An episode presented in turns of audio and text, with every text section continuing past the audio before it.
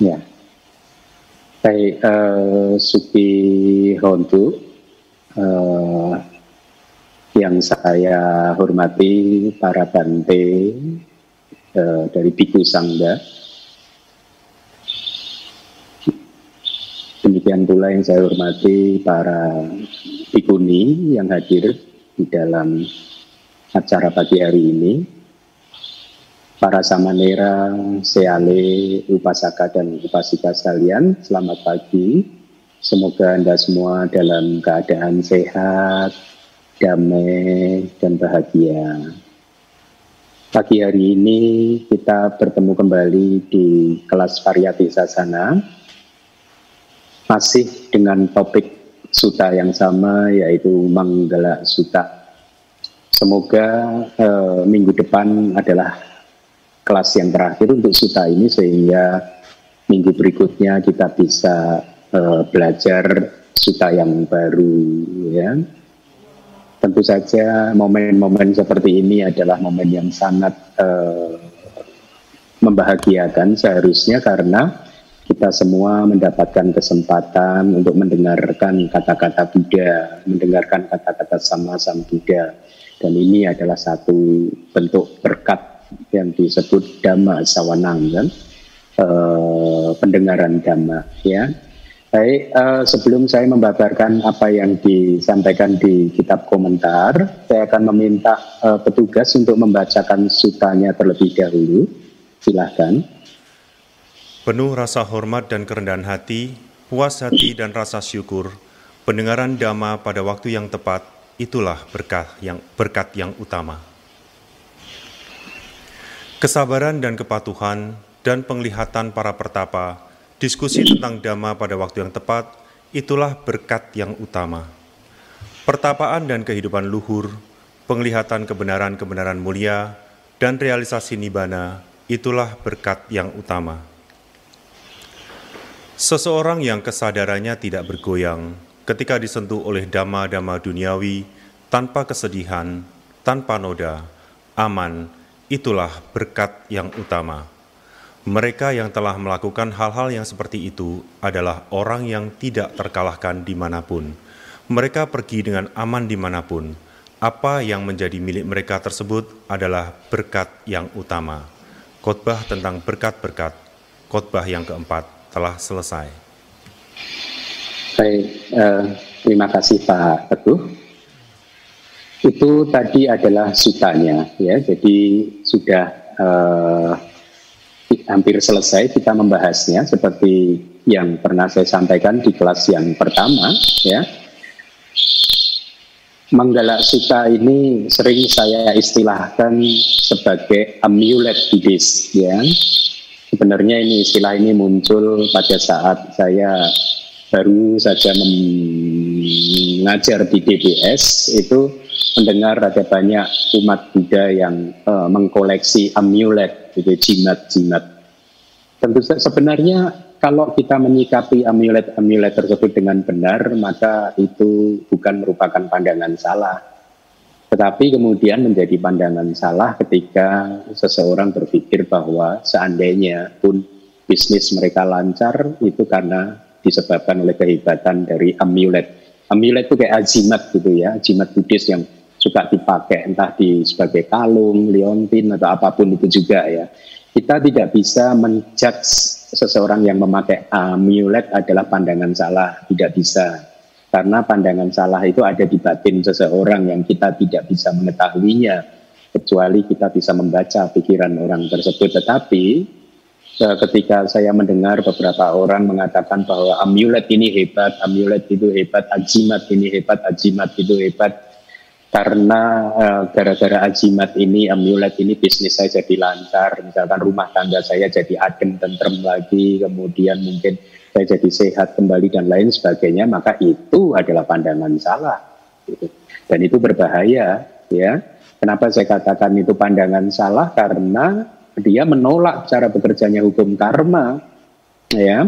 Kan salah satu pandangan salah adalah uh, menolak bekerjanya hukum karma, gitu ya menolak hubungan sebab dan akibat dari perbuatannya sendiri. Jadi kalau Anda sukses itu bukan karena amulet, tetapi karena perbuatan Anda sendiri. Demikian pula kebalikannya kalau seseorang itu gagal, ya, seseorang itu sehat, sakit-sakitan, semua karena perbuatannya sendiri, ya. Uh, oleh karena itu sering kan saya menyampaikan kepada para umat kalau memang ada amulet itu yang hebat begitu ya uh, apalagi kalau anda membeli amuletnya dari seseorang yang anda harus membayarnya gitu ya. Uh, jadi agak tidak masuk akal kan ya kalau tahu amulet itu hebat kenapa harus dijualnya? Tentu akan dia pakai sendiri kan untuk memperkaya dirinya sendiri. Uh, oleh karena itulah kemudian saya mengistilahkan Manggala Sutta ini sebagai amuletnya Buddhis dalam arti kalau Anda benar-benar mempraktekkan apa yang diajarkan di dalam khotbah ini 38 jumlahnya yang semuanya disebut sebagai berkat maka definisi berkat definisi Manggala adalah sesuatu yang mendatangkan keberuntungan atau pertanda baik begitu ya.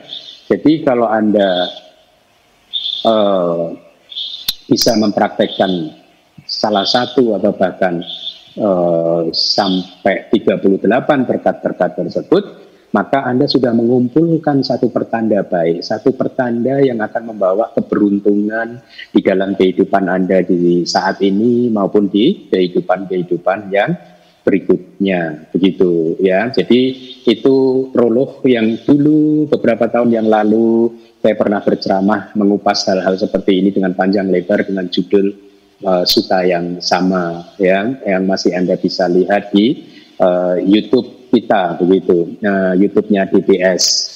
Nah uh, slide berikutnya saya minta PIC uh, ke slide berikutnya. Kita bisa lihat itu adalah berkat-berkat ya penuh rasa hormat kerendahan hati ya dan seterusnya ya pendengaran dhamma pada waktu yang tepat itulah berkat yang utama ya jadi eh, definisi yang diberikan oleh kitab komentar untuk penuh rasa hormat adalah sifat dari seseorang yang memang penuh rasa hormat. Saya rasa ini kita memahaminya ya, memang definisinya uh, seperti itu. Sedangkan uh, apa kerendahan hati adalah sikap yang rendah hati, puas hati gitu, uh, kepuasan, uh, sorry,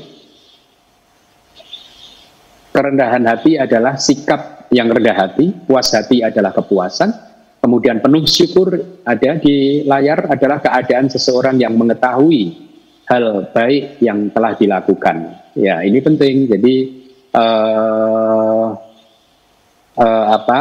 Mungkin ini agak berbeda juga dengan definisi penuh rasa syukur yang juga sering saya dengar. Jadi kalau seseorang mendapatkan rezeki yang banyak, kemudian dia bersyukur dengan penuh rasa syukur Walaupun itu mungkin tidak salah, tetapi penuh rasa syukur secara spesifik di sini adalah uh, keadaan seseorang yang mengetahui hal baik yang uh, telah dia lakukan, begitu ya. Dan ini sangat penting sekali, gitu. Kenapa? Karena ternyata kemampuan untuk mengingat-ingat hal baik yang pernah kita lakukan itu bukanlah sesuatu yang mudah, ya. Kenapa saya katakan bukan sesuatu yang mudah? Faktanya banyak orang depresi di dalam kehidupan ini, ya banyak orang yang sedih, stres di dalam kehidupan ini. Coba kalau Anda renungkan, mereka yang depresi, mereka yang stres itu adalah mereka yang tidak bisa mengingat-ingat hal baik yang pernah dia lakukan. Tidak pernah bisa bersyukur atas perbuatan baik yang sudah pernah dia lakukan. Sebaliknya yang dia ingat-ingat hanyalah perbuatan salah dia saja dia selalu ingat tentang kegagalan dia, tentang uh, bagaimana dia dikritik oleh orang lain, ya, tentang kesalahan-kesalahan yang dia lakukan. Itulah sebenarnya yang membuat seseorang itu depresi. Seseorang yang depresi adalah seseorang yang tidak mampu mengingat perbuatan baik yang dia lakukan, tapi sebaliknya yang dia ingat terus-menerus adalah kegagalan, perbuatan-perbuatan jahat yang dia lakukan di dalam kehidupan ini. Padahal dia adalah seseorang yang banyak melakukan perbuatan baik, tetapi itu semua tidak mampu dilakukannya. Oleh karena itulah kita harus mengembangkan sikap sifat penuh syukur. Ingat-ingatlah semua perbuatan baik yang apa uh, sudah Anda lakukan ikut uh, ceramah-ceramah saya terdahulu sering kali saya sampaikan. Mengingat-ingat perbuatan baik yang sudah pernah kita lakukan bukan media untuk meningkatkan kesombongan tetapi ini adalah media untuk meningkatkan rasa syukur bahwa kita sudah beruntung sekali mendapatkan kesempatan untuk melakukan perbuatan uh, baik. Dan itu sangat menyejukkan hati itu sangat menyembuhkan penyakit-penyakit uh, psikologis yang diderita oleh uh, seseorang ya. Nah, uh, berkat berikutnya adalah uh, pendengaran dhamma pada waktu yang tepat. Pada waktu yang tepat didefinisikan adalah sebagai saat yang tepat atau momen yang tepat. Kemudian pendengaran dhamma didefinisikan sebagai pendengaran untuk dhamma. Artinya seperti Anda saat ini pendengaran untuk mendengarkan dhamma itu ya. Tetapi Anda harus ingat ya yang dimaksud dengan dhamma di sini adalah kata-kata sama sambuddha. Itu definisinya ya. Uh, seperti dhamma uh, apa? Dhamma dana ya, berdana dhamma ya. Bukankah itu definisinya adalah seseorang uh, apa uh, bukan pengajaran dhamma membabarkan dhamma. Seseorang membabarkan ajaran sama sam Buddha. Jadi pendengaran dhamma pun juga begitu. Anda harus mendengarkan kata-kata sama sam Buddha. Anda jangan mendengarkan kata-kata seseorang yang belum tercerahkan seperti misalkan Bante Keminda dan lain sebagainya oleh karena itu supaya Anda mendapatkan berkat mulai hari ini kalau Anda belum melakukannya, biasakanlah untuk mendengarkan kata-kata sama Sang Buddha. Kata-kata sama Sang Buddha itu yang mana Bante? Kata-kata yang ada di Tripitaka. Dan Anda tahu mempelajari Tripitaka tidak bisa kita pelajari tanpa bantuan uh, kitab komentar dan kitab sub komentar begitu ya. Jadi itulah uh, yang dimaksud dengan istilah-istilahnya selanjutnya komentar tentang makna hendaknya dipahami demikian. Yang dinamakan penuh rasa hormat adalah penghargaan atau menjadikannya dihargai. Kalau Anda menghormati seseorang, Anda menjadikan orang tersebut sebagai seseorang yang dihargai, ya, dengan cara apa pun, ya. Anda menjaga orang tersebut supaya tetap bisa menjadi orang yang dihargai. Penghormatan terhadap mereka yang pantas untuk diberikan penghormatan juga ya seperti para Buddha, para Paceka Buddha, para murid Tathagata, para guru-guru kita dan guru penahbis kita kalau untuk seorang biku ya. Kemudian ayah dan ibu, ibu dan ayah. Jadi menarik sih sebenarnya kalau kitab suci itu uh, menyebut menyebut orang tua itu bukan ayah dan ibu, tetapi ibu yang didahulukan ibu dan ayah. Kemudian juga uh, penuh rasa hormat terhadap kakak-kakak kita, baik itu kakak laki-laki maupun kakak perempuan, ya, dan lain-lain uh, sebagainya seperti yang sudah kita pelajari di kelas awal. Oleh karena penuh rasa hormat yang seperti itu adalah menjadi sebab untuk kepergian ke tempat tujuan yang baik itu kata kitab komentar. Apa itu arti kepergian ke tempat tujuan yang baik? Penuh rasa hormat yang seperti itu menjadi sebab untuk kelahiran di alam yang penuh kebahagiaan. Ya, sugati. Sugati itu ya tempat tujuan uh, yang baik, tempat tujuan kelahiran yang baik gitu. Jadi seperti yang uh, dikatakan oleh Buddha demikian di dalam salah satunya, salah satu sutanya, seseorang menghargai mereka yang harus dihargai. Demikian kata Buddha. Menjunjung tinggi mereka yang pantas untuk dijunjung tinggi, memuja mereka yang pantas untuk dipuja, dengan melalui kama tersebut, dengan melalui perbuatan tersebut, demikian kata Buddha, yang dilaksanakan dan dilakukan dengan cara demikian itu, dari terurainya tubuh, itu istilah untuk um, menjelang kematian, gitu, atau kematian, dari terurainya tubuh, sejak dari kematian, mereka akan lahir kembali ke tempat tujuan kelahiran yang baik yaitu di dunia surgawi ya di alam surga. Jadi kita harus mengembangkan rasa penuh uh, rasa hormat gitu ya. Apabila tidak demikian maka kata Buddha masih dari terurainya tubuh setelah kematian mereka akan lahir kembali ke keadaan sebagai manusia seandainya dia datang kembali ke keadaan sebagai manusia di mana pun dia lahir kembali, maka dia adalah orang yang memiliki kemuliaan kelahiran. Lihat, Anda bisa melihat sekeliling kita. Banyak sekali contoh-contoh yang bisa ditemui betapa kelahiran ini berbeda-beda meskipun kita sama-sama manusia. Ada manusia yang sangat mulia, dimuliakan oleh orang lain, terhormat. Ada yang tidak. I'm so sorry to say that, that tapi ini adalah realitasnya Nah, kenapa ada orang yang tidak dimuliakan?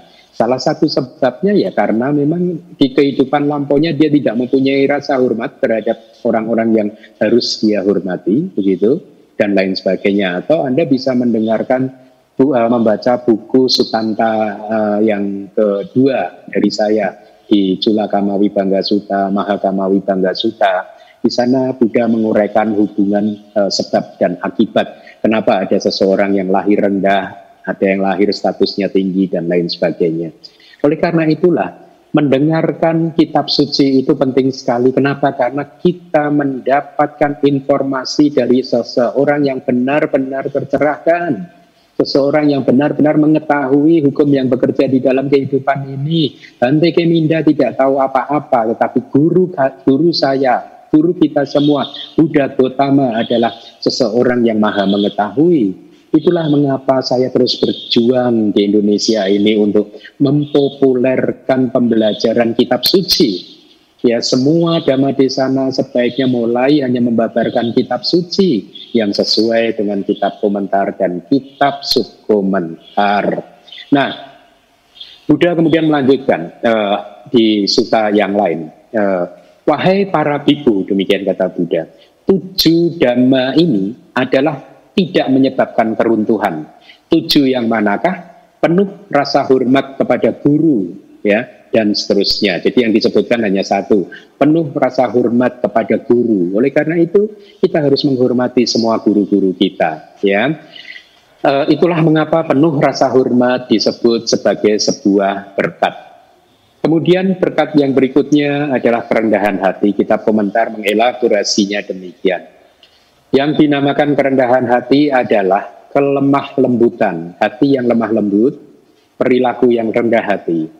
Yang karena memilikinya, seseorang menjadi individu yang santun, tidak sombong, sama dengan kain untuk mengelap kaki. Jadi ini perumpamaannya. Ya, saya rasa di Jawa juga ada perumpamaan gitu lebih baik jadi orang itu seperti keset gitu ya dia diinjak-injak orang dipakai untuk membersihkan kaki orang itu adalah perumpamaan untuk sikap rendah hati tidak sombong dan ternyata kita komentar juga mem mempunyai uh, perumpamaan yang sama atau mungkin saya menduga malah bahkan perumpamaan di Jawa yang saya dengar itu dulunya diadopsi dari kitab-kitab kita begitu karena kan memang kita di Pulau Jawa dulu adalah kerajaan Buddhis yang besar kan ya jadi perumpamaannya bagus ya, mem membiarkan diri kita seperti kain untuk mengelap kaki seseorang. Ya, kita bersikap rendah hati saja.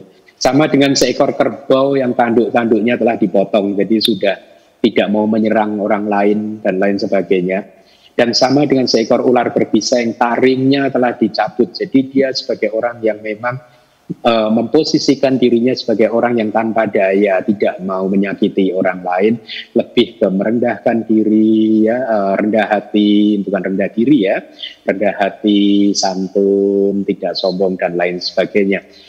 Jadi dia adalah seorang yang lembut, ramah dalam berbicara dan menyenangkan dalam bercakap-cakap. Ini adalah berkat, gitu ya. Itulah yang dimaksud sebagai dengan kerendahan hati. Gitu. Kerendahan hati tersebut disebut sebagai sebuah berkat. Kenapa? Alasannya karena kerendahan hati tersebut menjadi sebab untuk perolehan kualitas-kualitas terbaik seperti ketenaran di dalam kehidupan ini. Jadi orang yang tenar di dalam kehidupan ini dikenal karena perbuatan baiknya, dikenal karena kualitas baiknya dan lain-lain. Dan seperti yang telah Buddha katakan demikian ini.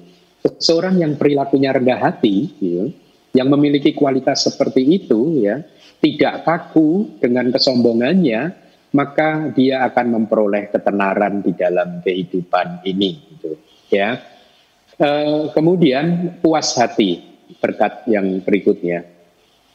Puas hati adalah kepuasan dengan apa pun kebutuhan-kebutuhan pokok seorang biku. Jadi kitab komentar hanya secara spesifik mendefinisikan berkaitan dengan kebutuhan pokok seorang biku, akan tetapi hendaknya Anda juga bisa mengambil uh, semangatnya dalam arti anda juga bisa menerapkan ini meskipun Anda bukan biku ya yaitu bagaimana Anda menyikapi uh, properti-properti Anda uh, uh, dan lain sebagainya. Maka dengarkanlah apa yang dijelaskan oleh kitab komentar gitu ya. Jadi uh, puas hati di kitab komentar disebutkan ada 12 macam ya yaitu dalam kaitannya dengan empat kebutuhan pokok biku. Jadi ada empat kebutuhan pokok biku yang Anda ketahui, sudah ketahui kan apa saja. Satu jubah, kemudian makanan, kemudian putih dan obat-obatan.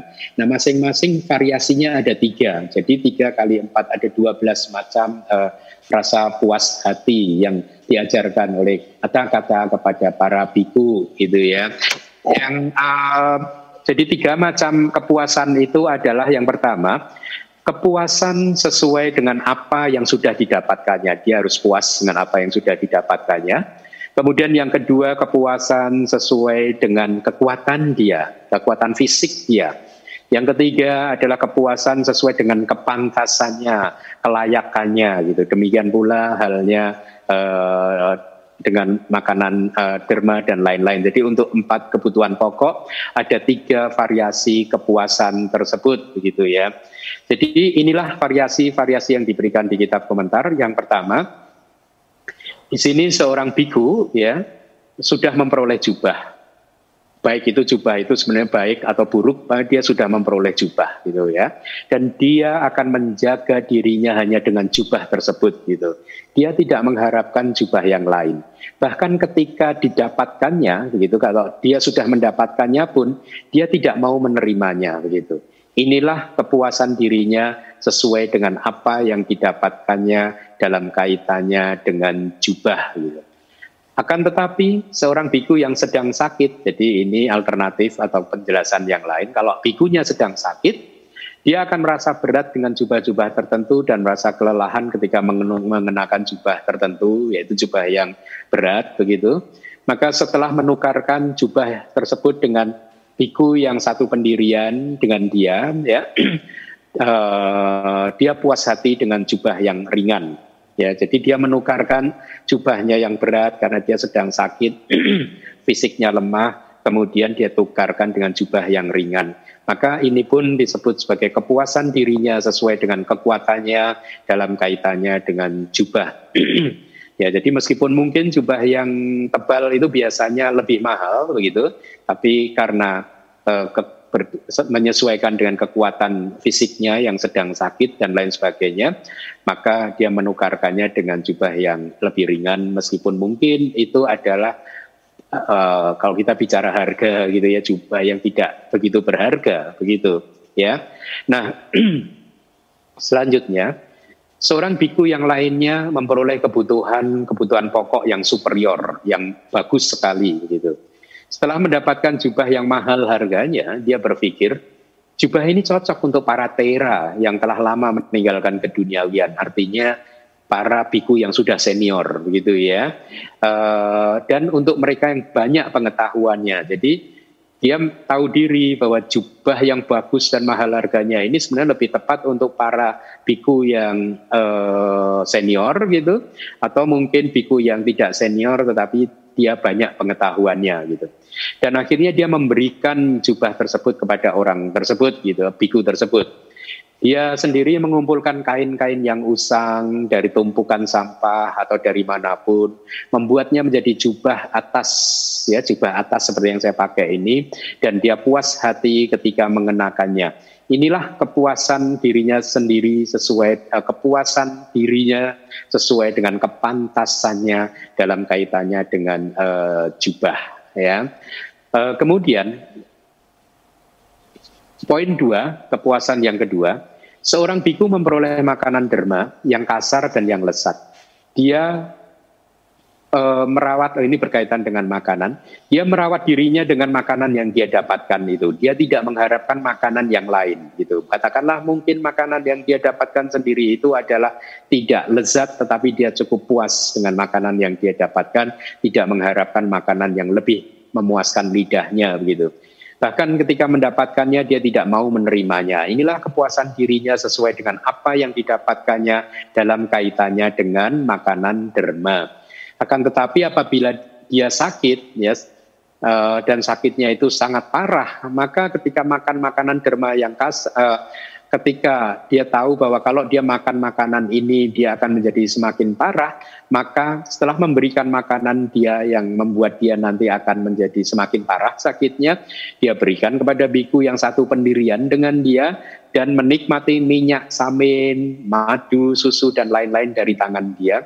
Jadi eh, di zaman dahulu minyak samin itu termasuk salah satu dari obat-obatan gitu ya. Maka biku tersebut pun bisa melaksanakan tugas seorang pertapa dengan puas hati. Tugas seorang pertapa adalah mengembangkan jalan mulia berunsur delapan gitu ya. Inilah kepuasan dirinya sesuai dengan kekuatannya dalam kaitannya dengan makanan derma. Seorang biku yang lainnya memperoleh makanan derma yang lezat. Kemudian dia berpikir, makanan derma ini cocok untuk para tera yang telah lama meninggalkan keduniawian atau untuk biku lainnya yang memerlukan makanan derma yang lezat.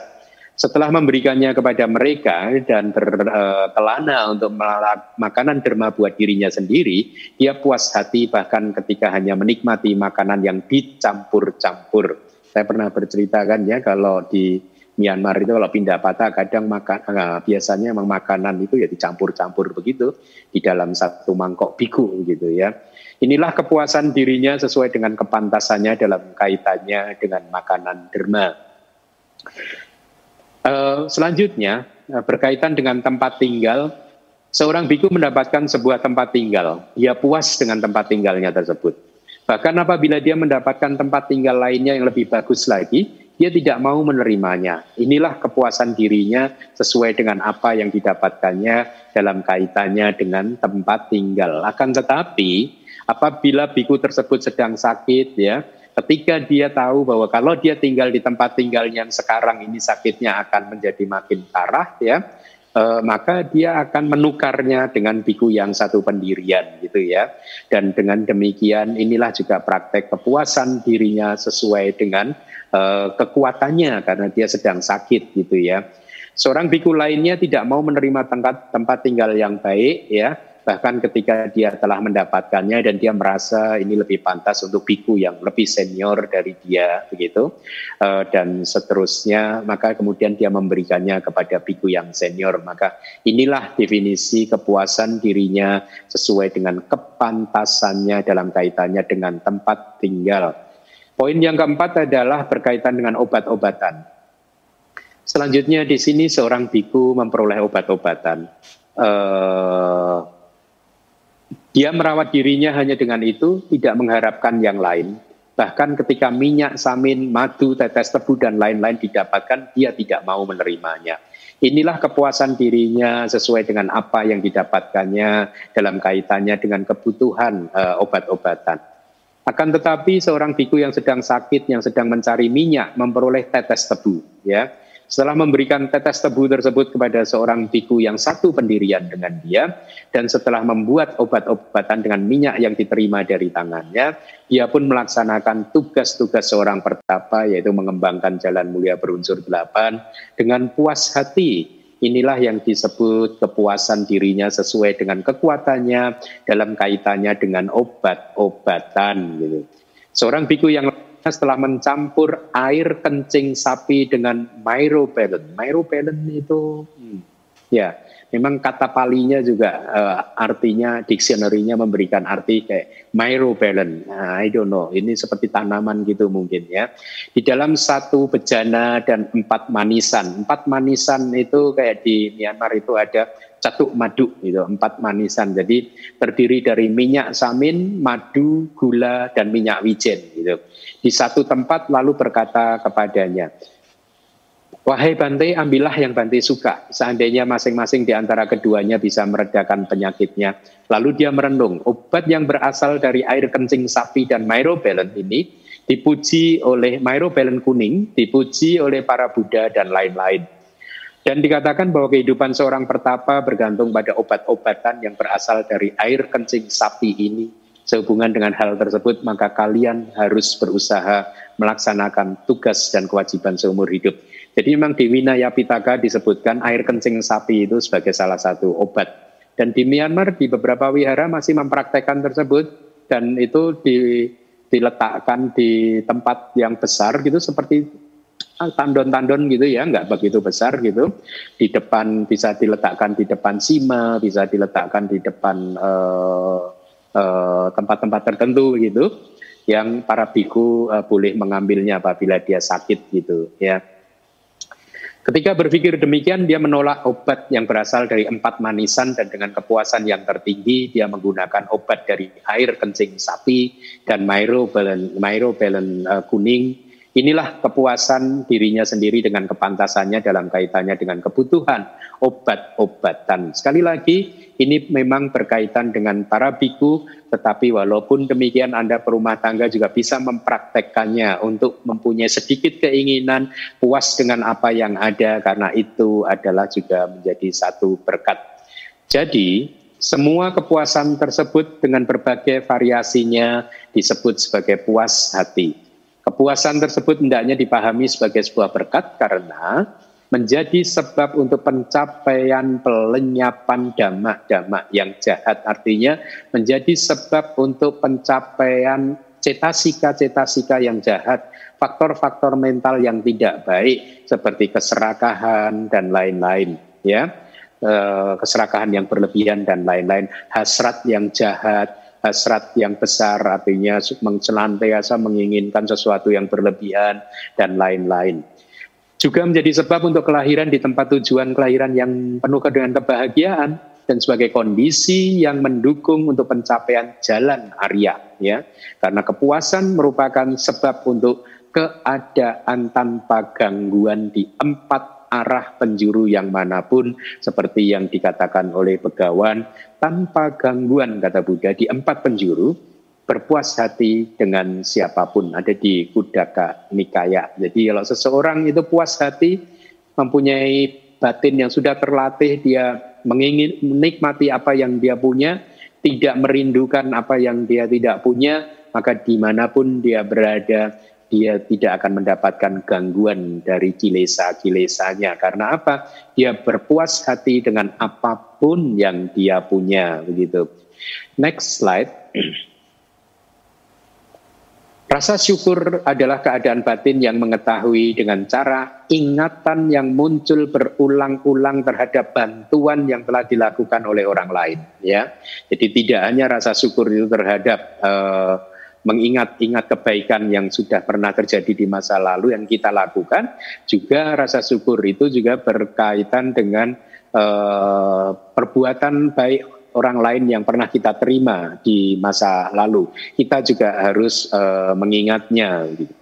Lebih jauh lagi, kebajikan-kebajikan adalah sangat bermanfaat bagi para makhluk hidup karena menjadi perlindungan bagi mereka dari penderitaan di neraka dan lain-lain. Lihat, perlindungan bagi Anda untuk kelahiran di neraka adalah kebajikan-kebajikan Anda. Ya, oleh karena itu seringlah berbuat kebajikan oleh sebab itu rasa syukur hendaknya dipahami sebagai ingatan seseorang terhadap manfaat dari kebajikan tersebut juga gitu ya. Rasa syukur disebut sebagai sebuah berkat karena menjadi sebab untuk pencapaian kualitas-kualitas terbaik seperti keadaan yang dipuji oleh orang-orang yang saleh, orang-orang yang taat beragama gitu. Dan seperti yang dikatakan oleh Buddha demikian, wahai para biku, Dua individu ini sangat jarang ditemui di dunia ini, jarang ada di dunia ini. Dua individu yang manakah? Satu, seseorang yang memberikan bantuan terlebih dahulu, berinisiatif untuk memberikan bantuan. Menurut Buddha, individu seperti ini jarang ada di dunia, gitu ya. Yang kedua adalah seseorang yang bersyukur dan berterima kasih, gitu ya uh, itu pun adalah individu yang jarang ditemukan di dunia. Oleh karena itu, mari kita semua menjadi individu yang jarang ditemukan di dunia ini, yaitu apa? Seseorang yang berinisiatif memberikan bantuan terlebih dahulu, dan seseorang yang bisa selalu ingat terhadap kebaikan yang dilakukan oleh orang lain, mau membalas budinya, ingat juga terhadap kebaikan yang uh, pernah juga kita lakukan, ya. Nah, kemudian berkat yang berikutnya adalah pendengaran dhamma pada waktu yang tepat. Pada waktu yang tepat itu pada waktu yang seperti apa? Yaitu pada saat di mana batin Anda disertai dengan kebingungan. Artinya ketika batin Anda sedang bingung, ya maka saat itulah saat yang tepat untuk mendengarkan dhamma. Atau batin Anda dikuasai oleh pikiran-pikiran sensual, nafsu-nafsu sensual, maka itu adalah saat yang tepat untuk mendengarkan dhamma. Eh, jadi pendengaran dhamma bermanfaat untuk pelenyapan semua kilesa. Kalau Anda merasa batin Anda sedang tidak tenang, maka itu adalah saat yang tepat untuk mendengarkan dhamma. Jadikanlah ini satu kebiasaan. Ketika batin sedang dikuasai, dicengkeram oleh kilesa, maka dengarkanlah dhamma. Baca buku dhamma. Ingat, dhamma di sini definisinya adalah kata-kata sama Sang Buddha dan penjelasannya yang ada di kitab komentar dan kitab sub komentar. Gitu. Orang-orang yang lainnya berkata demikian. Yang dinamakan pendengaran dhamma pada waktu yang tepat adalah pendengaran dhamma setiap lima hari. Jadi di masa lalu ada guru yang mengatakan begitu setiap lima hari gitu. Kalau kita di DBS biasanya setiap hari Minggu begitu ya. ya. Seperti yang dikatakan oleh yang Arya Anuruddha demikian. Wahai Bante, setiap lima hari kita duduk di sepanjang malam untuk sebuah ceramah dhamma. Di sepanjang malam, dengarkan. Sepanjang malam, bukan hanya dua jam. Anda satu minggu dua jam saja kadang malas ya? Enggak ya? Ya. Nah, jadi uh, satu minggu sekalipun good enough ya. Uh, kalau lebih tentu saja lebih bagus lagi. Next slide. Uh, ya, lebih jauh lagi Pendengaran dhamma pada waktu yang tepat hendaknya dipahami juga sebagai pendengaran dhamma pada saat di mana seseorang bisa mendekati teman-teman yang baik untuk mendengarkan dhamma yang bisa melenyapkan keraguan bagi dirinya sendiri. Itu kami dulu di Myanmar sering melakukan itu ya kalau pas lagi sekolah. Kalau saya mempunyai keraguan tentang uh, uh, apa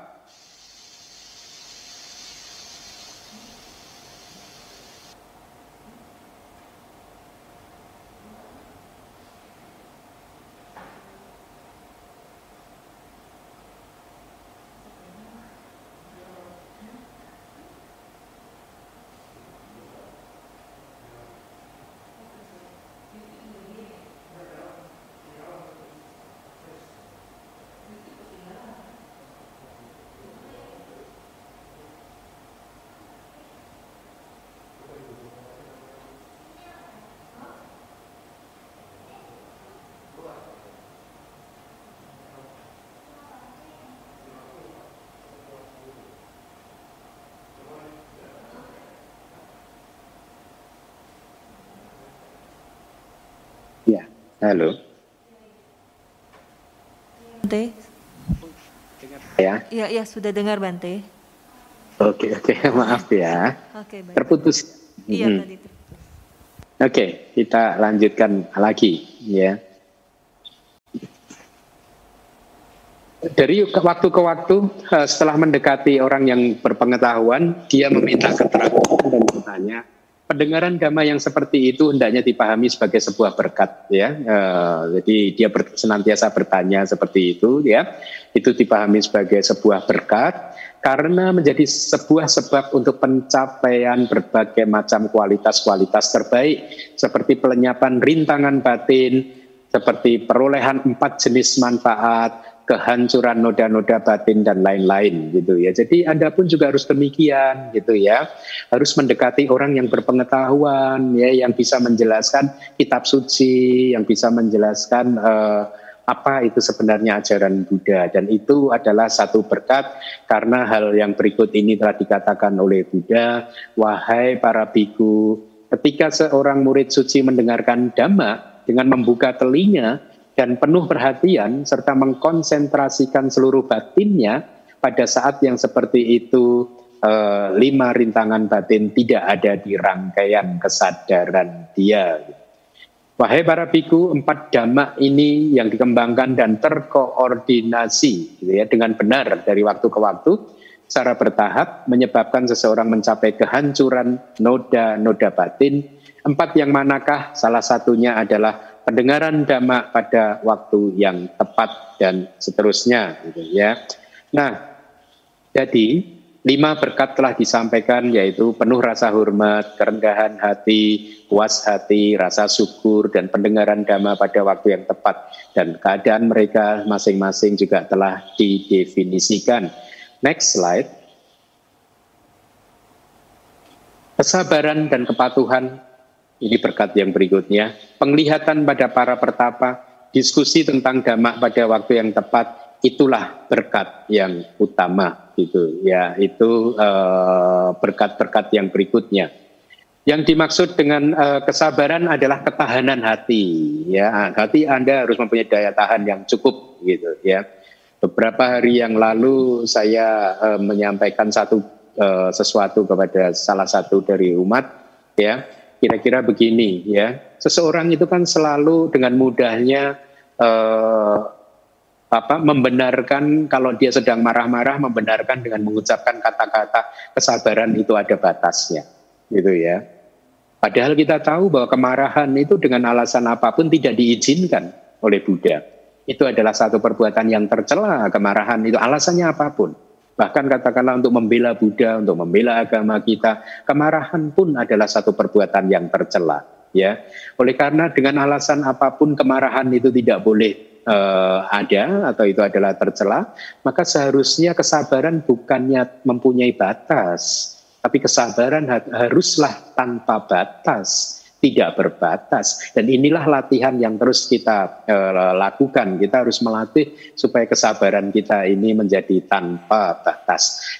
Sehingga membuat hati kita itu tahan untuk menerima apa pun gitu ya. Seperti khotbah yang kemarin sore di saya sampaikan ya, yaitu Maharahula Wada Sutta, kita harus seperti tanah. Tanah itu mau dibuang kotoran ini kotoran itu dia diam saja. Itu perumpamaannya. Dia tidak berontak kira-kira seperti itu ya. Nah, patuh gitu ya adalah seorang yang baginya sebuah kata nasihat ya uh, adalah menyenangkan karena dia dengan pandai bisa mengambil manfaat. Jadi dia patuh itu artinya senantiasa mendengarkan nasihat orang lain ya. Dia bisa menerima nasihat orang lain. Penurut itu adalah perbuatan seorang yang patuh. Kualitas seorang yang penurut disebut sebagai kepatuhan. Oleh karena keadaan kotoran batin yang tenang maka mereka adalah pertapa. Jadi lihat definisi pertapa adalah seseorang yang kotoran batinnya tenang telah tenang Menengok adalah melihat, diskusi dhamma adalah diskusi tentang dhamma. Jadi menengok para pertapa, berarti melihat para pertapa ya. Diskusi tentang dhamma adalah diskusi dhamma, sisanya mudah dipahami.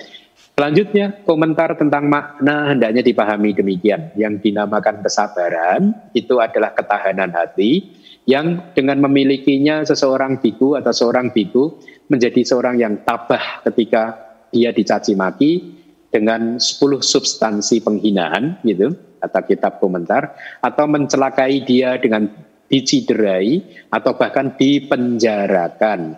Dia seolah-olah seperti seorang yang tidak mendengar atau tidak melihat orang tersebut. Seperti Anda bisa lihat ceritanya Bodhisatwa kita ketika beliau terlahir sebagai dengan nama Kantik Wadi.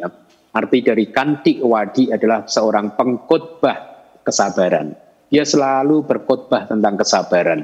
Dia selalu mengajarkan pentingnya kesabaran. Jadi lihat bodhisatwa kita di dalam kelahirannya sebagai kanti wadi dia benar-benar menyempurnakan uh, kanti paraminya, kesempurnaan tentang kesabarannya gitu. Jadi di Jataka dikatakan oleh Buddha begini, di masa lalu saya adalah seorang pertapa, yaitu seorang yang menjelaskan tentang kesabaran.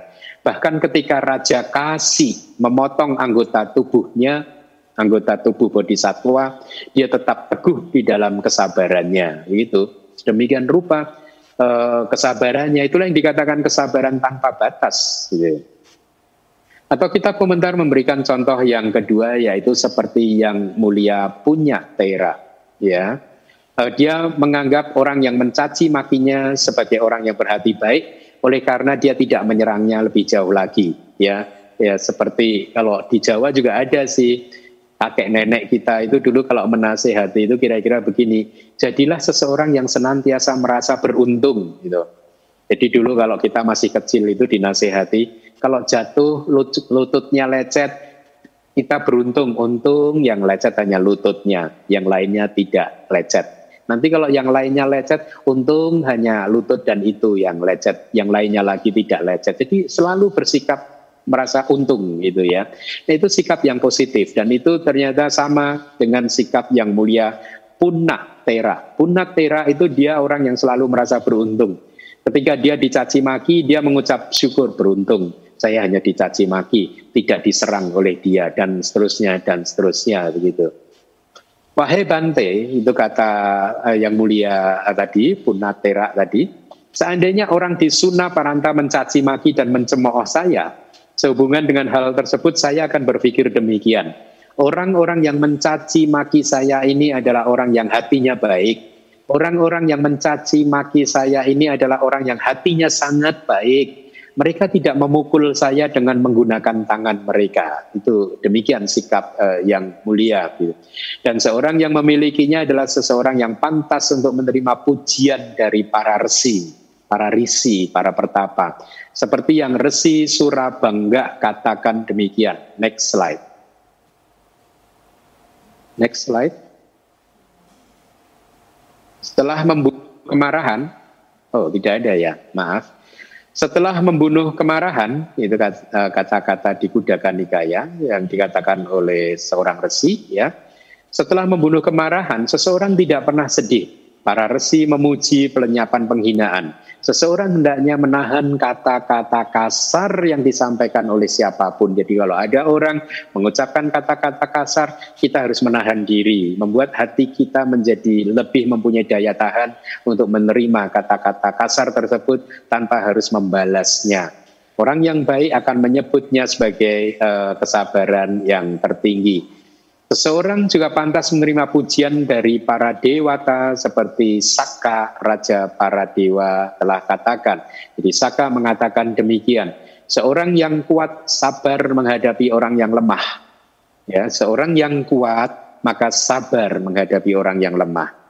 Mereka menyebutnya sebagai kesabaran yang terbaik. Seorang yang lemah juga harus selalu sabar. Seseorang juga pantas menerima, menerima pujian dari para Buddha seperti yang Begawan atau Buddha katakan. Seseorang yang tanpa kemarahan, sabar menerima hinaan, siksaan, dan pemenjaraan bahkan, kekuatannya adalah kesabaran. Sebuah bala tentara yang kuat, maka aku menyebut dia sebagai seorang Brahmana. Kesabaran yang kita latih itu adalah bala tentara kita, pasukan kita, ya untuk melawan orang lain. Melawannya bagaimana? Ya dengan kesabaran, dengan menerima apa pun itu dengan lapang dada. Selanjutnya, kesabaran tersebut hendaknya dipahami sebagai sebuah berkat karena menjadi sebab untuk pencapaian kualitas-kualitas terbaik yang terpuji bagi mereka, baik di kelahiran saat ini maupun juga di kelahiran yang berikutnya. Yang demikian, yang dinamakan kepatuhan adalah ketiga, seseorang sedang bicarakan dengan cara yang baik, dia tidak menunjukkan sikap yang terganggu atau diam seribu bahasa atau berpikir tentang kualitas baik dirinya sendiri dan juga kesalahan orang lain. Jadi ini tentang kepatuhan berkat yang uh, uh, berikutnya. Akan tetapi setelah mengedepankan penghargaan setinggi-tingginya, maka penghormatan dan kerendahan hati itu dia mengucapkan begini sadu sadu Kepatuhan seperti itu disebut sebagai sebuah berkat karena menjadi sebab untuk perolehan nasihat dan instruksi dari teman-teman bikunya serta menjadi sebab untuk pencapaian pelenyapan kesalahan-kesalahan dan pencapaian kualitas-kualitas yang terbaik. Kemudian berkat yang berikutnya adalah penglihatan pada para pertapa, artinya adalah mendekat kepada pertapa, melayani, ya, e, mengingat beliau, mendengarkan kata-kata beliau ya. Kemudian penglihatan pada para biku yang telah menenangkan kotoran-kotoran batin itu pun juga adalah uh, penglihatan pada para pertapa. Ya samana nan sanang bahasa palinya seseorang biku yang telah menenangkan kotoran batinnya baik yang melalui tubuh ucapan maupun pikirannya dan kebijaksanaannya telah dikembangkan serta memiliki penaklukan tertinggi serta keheningan batin. Semuanya itu yang dikatakan sebagai penglihatan karena menjadi awal dari pengajaran. Kalau Anda mengunjungi seorang biku, maka itu menjadi awal pengajaran yang akan Anda terima. Hal tersebut hendaknya diketahui sebagai sebuah berkat. Kenapa? Karena sifatnya yang sangat bermanfaat dan seperti yang dikatakan oleh Buddha, wahai para biku, bahkan penglihatan pada para biku tersebut aku katakan sangat bermanfaat. Oleh karena ketika seseorang yang mengharapkan kesejahteraan melihat eh, apa para biku yang memiliki sila yang telah tiba di pintu rumah, seandainya jadi ada biku yang berpindah patah katakanlah di depan udah sampai di pintu rumah atau mau berkunjung udah sampai di pintu rumah gitu dan dia tahu biku tersebut silanya bagus memiliki sila yang baik seandainya dia memiliki sesuatu yang pantas untuk diberikan sesuai dengan kemampuannya maka dia harus menghormatinya mereka dengan memberikan sebuah hadiah itu nasihat dari kitab komentar ya Anda tahu ada seorang biku yang menurut Anda silanya bagus, maka itu adalah kesempatan yang berharga buat Anda untuk memberikan hadiah, memberikan dana gitu ya. Tentu saja dananya haruslah sesuatu yang tidak melanggar winaya ya. Seandainya Anda tidak memiliki apa pun, demikian kata kitab komentar, maka Anda harus bersujud dengan lima bagian tubuh menyentuh tanah. Ya, ketika hal tersebut tidak bisa, maka Anda harus menghormati mereka dengan cara menjura, beranjali. Ketika hal tersebut pun tidak bisa, Anda harus melihat mereka dengan batin yang jernih dan mata yang penuh kasih sayang. Oleh karena bahkan atas dasar penglihatan yang demikian itu, seseorang tidak mengalami sakit mata, demikian kata kitab komentar. Tidak terbakar, pembengkakan untuk beribu-ribu kelahiran. Ya memiliki mata-mata yang indah. Ya kita bisa menemukan ya di dalam kehidupan ini. Ada saja orang-orang yang memiliki mata yang uh, sorot matanya indah ya. Ya. Uh, bersinar ya dan memiliki lima warna seperti jendela-jendela manikam permata yang terbuka di sebuah rumah besar yang terbuat dari uh, permata. Dan dikatakan di kitab komentar bahkan di sepanjang seratus ribu kalpa dia akan memperoleh segala bentuk keberuntungan di antara para dewa dan para manusia. Hal tersebut tidak mengherankan. Ketika telah menjadi manusia yang bijaksana, dia harus menikmati resultan-resultan yang terbaik atau buah karma-buah karma yang terbaik gitu ya. Nah, itu dari uh, kitab uh, komentar ya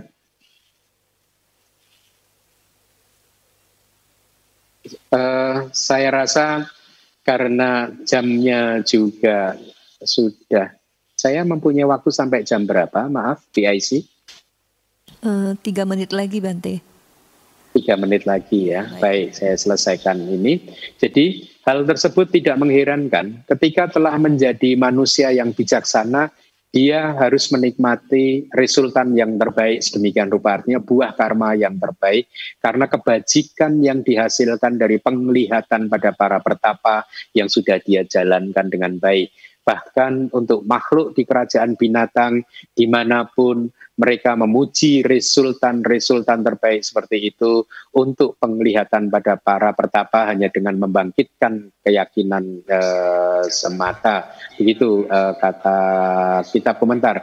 Bahkan ada kalimat demikian burung hantu yang paling beruntung tinggal lama sekali di satu tempat yang disebut Wediyaka burung hantu itu sungguh bahagia pada waktu itu dia melihat Buddha yang mulia yang telah muncul.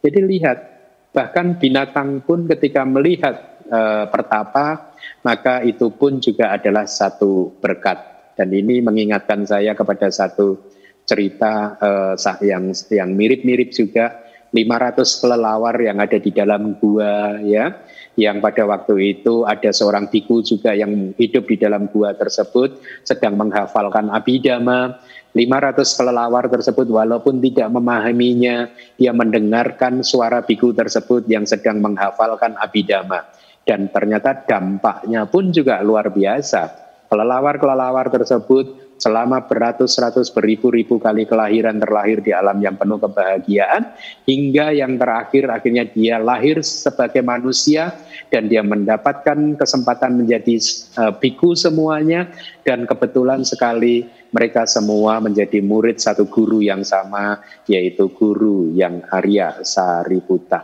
Baik, karena waktunya sudah uh, cukup ya, sudah habis, maka saya cukupkan di sini. Semoga penjelasan saya ini bermanfaat. Terima kasih.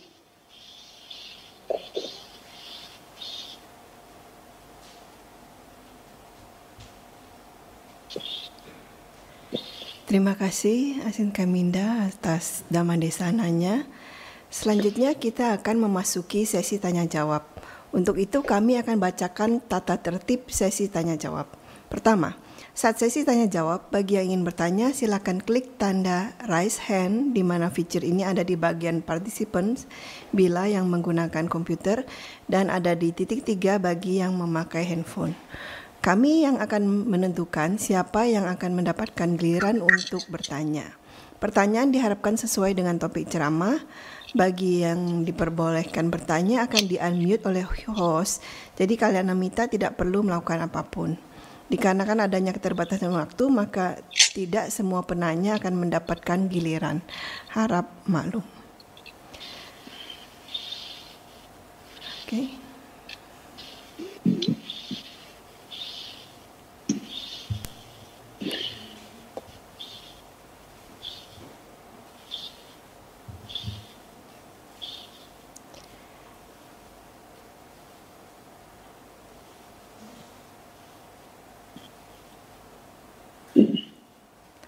Oke, yang pertama kesempatan bertanya kami berikan kepada uh, Samanera atau Bikus Samratanawaso. Kami persilakan. Ya, selamat pagi Sotioto Bente. Ya. Ya, saya bertanya di sini apakah uh, ketika uposata kita mendengarkan dhamma tetapi ketika mendengarkan dhamma pada saat uposata ini yang dibahas berkaitan dengan suta tetapi yang di, tidak sesuai dengan suta ataupun subkomentar dan komentar apakah ini sebagai berkah utama Bente? Iya. Saya rasa kalau yang disampaikan adalah kata-kata Buddha ya itu adalah uh, satu berkat. Tetapi ketika diinterpretasikan sendiri dan yang menginterpretasikan itu adalah seseorang yang belum tercerahkan, maka saya tidak uh, berpikir bahwa itu adalah satu berkat karena interpretasi seseorang yang belum tercerahkan bisa salah. Kalau benar itu adalah satu berkat, tapi kalau salah ya itu bukan satu berkat.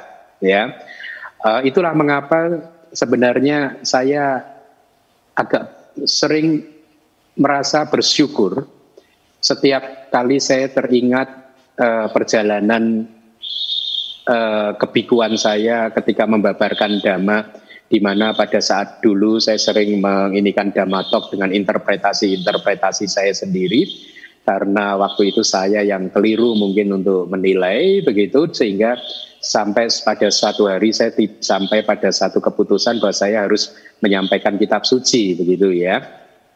Uh, uh, dan kemudian saya mendapatkan uh, tanggapan yang uh, dari satu dua orang yang mengapresiasi model pembelajaran pengajaran Tripitaka sesuai kitab komentar dan kitab subkomentar dan berkembang terus hingga akhirnya bahkan saya diminta oleh umat untuk hanya membabarkan kitab suci sesuai dengan kitab komentar dan kitab subkomentar. Pada waktu saya mendengar itu dalam hati saya saya bersyukur. Kenapa?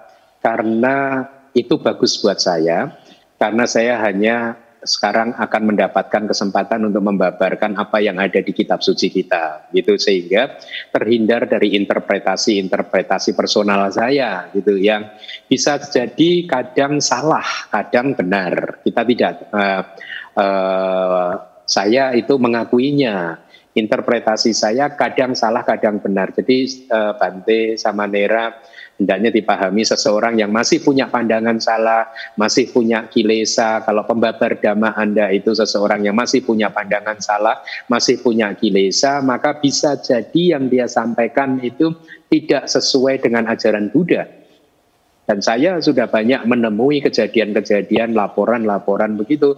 Jadi seseorang membabarkannya secara keliru. Jadi singkatnya uh, rumusnya seperti itu saja Bante ya.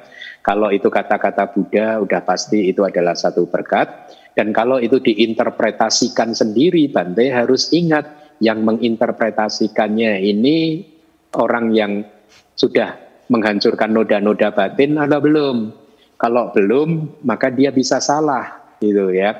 Dia bisa salah, e, maka harus berhati-hati, gitu. E, saya tidak mengatakan Terima kasih. Uh, bisa jadi dia salah, tapi bisa jadi dia juga benar. Tapi apa pun itu tidak aman. Oleh karena itulah saya sebenarnya merindukan apa yang saya rindukan merindukan uh, model uh, kehidupan Buddhis seperti di negara-negara Buddhis. Karena yang saya ketahui hanya di negeri Myanmar, maka saya merindukan model pembabaran dhamma di Myanmar. Di Myanmar itu saya dulu waktu hidup di sana bertahun-tahun selalu menikmati pembabaran dhamma dari para siado. Kenapa? Karena benar-benar menambah pemahaman saya tentang ajaran Buddha. Kenapa demikian? Karena di sana standarnya selalu begitu, selalu membahas kitab suci, Tripitaka, kitab komentar, kitab subkomentar, kitab suci, uh, Tripitaka, komentar dan subkomentar. Dan itulah mengapa di sana juga uh, eh, apa standar pembabar dhamma juga tinggi sekali Bante. Jadi di sana kayak ada model quote unquote itu sertifikasi. Tidak semua biku di Myanmar itu diperbolehkan membabarkan dhamma. Tidak semua biku di Myanmar juga diperbolehkan mengajar meditasi hanya para biku yang uh, quote unquote sudah mempunyai sertifikasi misalkan dhamma acarya itu yang diperbolehkan untuk membabarkan dhamma atau yang mengajarkan meditasi yang memperoleh kayak sertifikasi uh, kamadhana acarya guru meditasi gitu. Beliau boleh mengajarkan uh, meditasi. Jadi standarnya tinggi. Indonesia masih jauh ketinggalan Ya, Indonesia masih berada dalam tahap permulaan untuk menuju kepada tahapan di mana semua pihak harusnya menghormati kitab suci, kitab komentar dan kitab subkomentar ya. Kita baru pada di langkah-langkah awal ya. Tapi walaupun demikian ini cukup membahagiakan karena langkah awal itu bisa di apa sudah bisa di, dilakukan begitu. Mudah-mudahan lah ya perkembangan ke depan akan jadi semakin bagus. Tapi saya juga sadar sih uh, Bante, untuk bisa meniru standar Myanmar itu membutuhkan syarat yang sangat berat. Apa itu syarat yang sangat berat? Ya para samanera, para bikunya harus belajar dengan benar gitu. Kalau di Myanmar kan begitu. Kan kita ini mempunyai seorang Bante yang hebat, Bante Indonesia yang hebat yang umurnya mungkin masih 20 tahun, yang saya kenal dia sejak dia umur 12 tahun, sudah belajar di Myanmar. Bayangkan, sekarang udah 20 tahun, 21 berarti mungkin sudah 8 tahun dan 9 tahun. Kenapa saya katakan hebat? Karena saya beberapa kali berkomunikasi dengan Bante ini dan saya tahu pengetahuannya sangat hebat. Jadi kalau di Myanmar begitu, pembelajarannya itu sangat disiplin seperti itu gitu ya. Tidak buru-buru maaf dilepas untuk berceramah gitu. Jadi dia benar-benar harus lulus sertifikasinya yaitu Dhamma Acarya, kemudian bahkan gelar yang lebih tinggi Alangkara atau Abiwangsa dan seterusnya. Dan saya juga mengenal selain Bante tersebut ada yang saya tahu ya ada dua orang anak muda Indonesia yang ke Myanmar sejak lulus SD umur 12 tahun juga. Saat ini dia mungkin baru satu tahun di Myanmar dan dia menjadi samanera dengan mengikuti pendidikan monastik tradisional di Myanmar. Saya tahu karena salah satunya itu cukup dekat dengan saya ya dan dia murid sekolah minggu di DBS saat ini sedang menekuni ilmunya di Myanmar. Nah, itulah mengapa saya juga sadar untuk bisa mencapai level seperti itu membutuhkan syarat yang kuat, uh, syarat yang berat yaitu para para khususnya para maaf ya dengan beribu-ribu maaf para anggota sangganya, samanera, anggota sangga, para sangganya harus belajar dengan benar gitu harus sebenarnya penghormatan kitab suci, kitab komentar dan kitab suplementar itu malah harus dimulai dari kita-kita ini zaman era kalau menurut saya.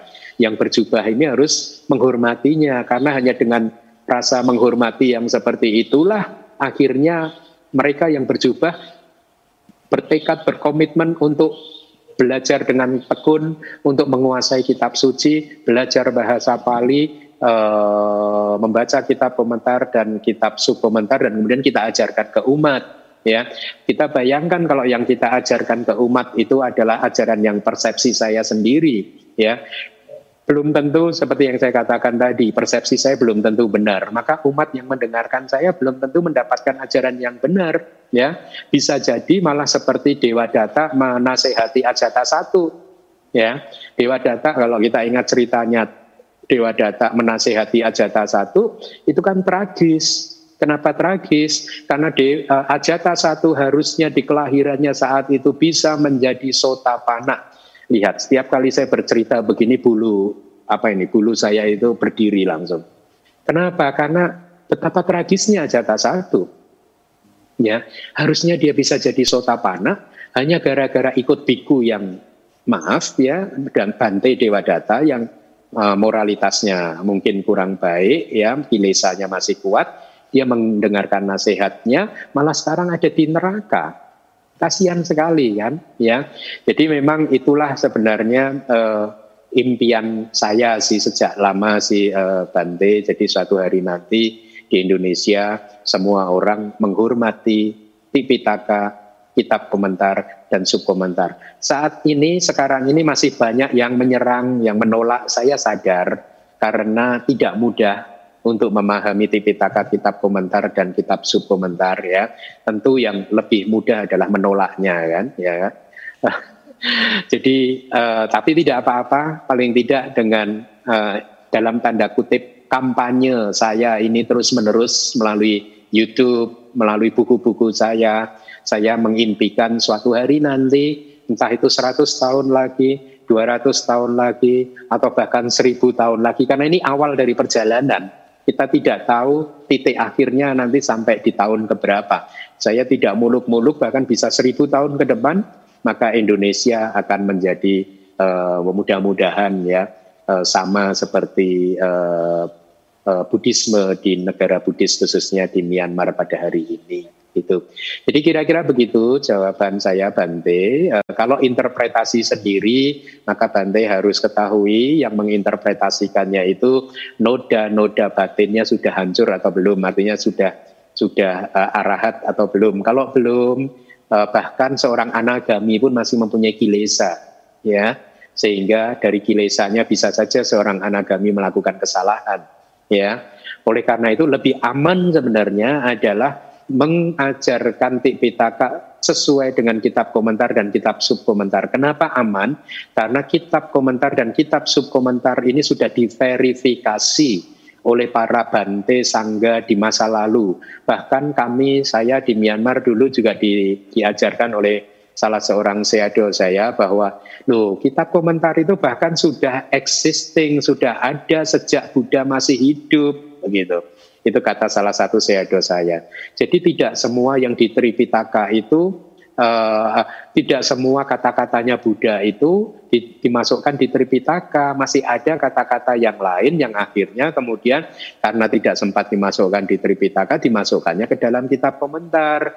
Ada juga diskusi-diskusi murid Buddha pada zaman Buddha yang uh, yang berlak yang yang yang apa yang kemudian dihafalkan oleh para murid Buddha, kemudian dimasukkan di dalam kitab komentar. Jadi itu kata-kata seado saya yang saya setuju. Kenapa saya setuju? Karena saya sudah banyak membuka kitab komentar dan saya bisa membenarkan kata-kata seado saya tersebut. Ya bahkan uh, bahwa kitab apa apa yang ada di kitab komentar itu sudah ada sejak zaman Buddha masih hidup. Jadi kalau ada yang mengatakan kitab komentar itu baru ada ratusan tahun setelah Buddha parinibbana itu tidak sepenuhnya benar. Mungkin ada sebagian yang ratusan tahun setelah Buddha parinibbana tapi juga ada sebagian yang lain yang ada sejak zaman Buddha masih hidup. Itu saya meyakininya.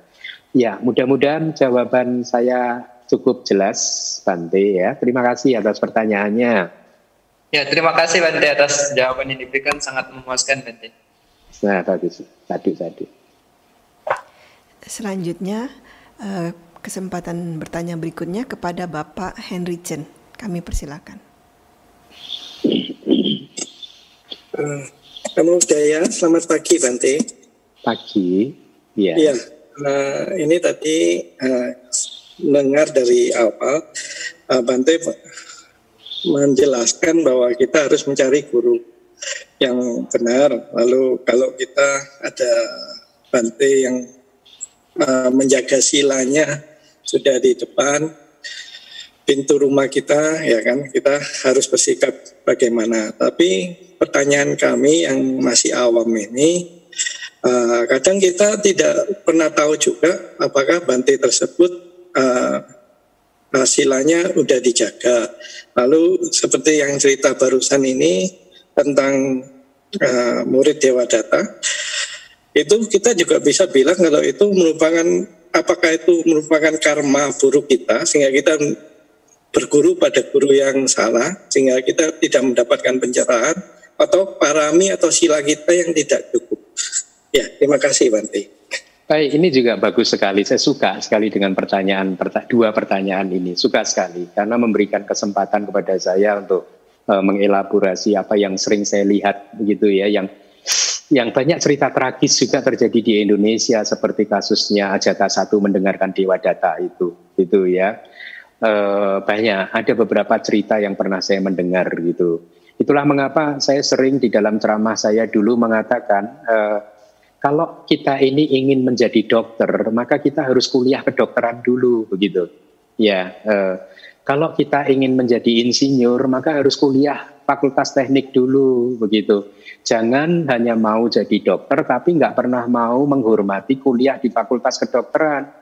Jangan hanya mau menjadi insinyur tetapi tidak pernah mau sekolah di fakultas teknik. Proses sekolahnya tidak mau tapi hanya mau titelnya saja. Karena ini sangat berbahaya. Kenapa? Anda bayangkan seorang dokter yang ternyata tidak pernah sekolah kedokteran. Dan Anda orang katakanlah ada pasien yang sakit datang kepada seorang dokter yang ternyata dokternya ini nggak pernah sekolah dia hanya tahu ilmu kedokteran saja gitu, belajar-belajar sendiri, bahkan sudah dianggap katakanlah menjadi pakar ilmu kedokteran begitu, tapi dia nggak pernah sekolah gitu. Apa yang bisa Anda dapatkan, Anda harapkan dari seorang dokter yang seperti itu? Dia hanya so-called dokter saja, tetapi pendidikan secara benar dia tidak pernah melaluinya. Kita kan saya yakin Anda juga pernah sekolah dan kita kan menghargai kan ya proses institusi pendidikan itu karena ini adalah institusi yang uh, in, saya rasa model pendidikan di dunia ini adalah model yang merupakan hasil dari proses yang sudah berumur ratusan tahun begitu sehingga sistemnya sudah established dalam artian kurikulumnya sudah ditentukan sedemikian rupa sehingga apabila kita belajar selama 8 semester atau bahkan 10 semester, kita sudah menguasai satu bidang dalam fakultas-fakultas tertentu tersebut. Apabila itu fakultas kedokteran, maka kurikulumnya sudah dibuat sedemikian rupa sehingga ketika mahasiswa-mahasiswi itu belajar 8 semester, 10 semester, dia sudah menguasai ilmu kedokteran basic begitu ya, meskipun pembelajaran pendalamannya masih harus dilakukan setelah dia lulus sarjana. Tapi paling tidak dia uh, the big picture of uh, kedokterannya dia sudah dapat. Nah sama dengan kuliah Dharma juga begitu, sekolah Dharma juga begitu.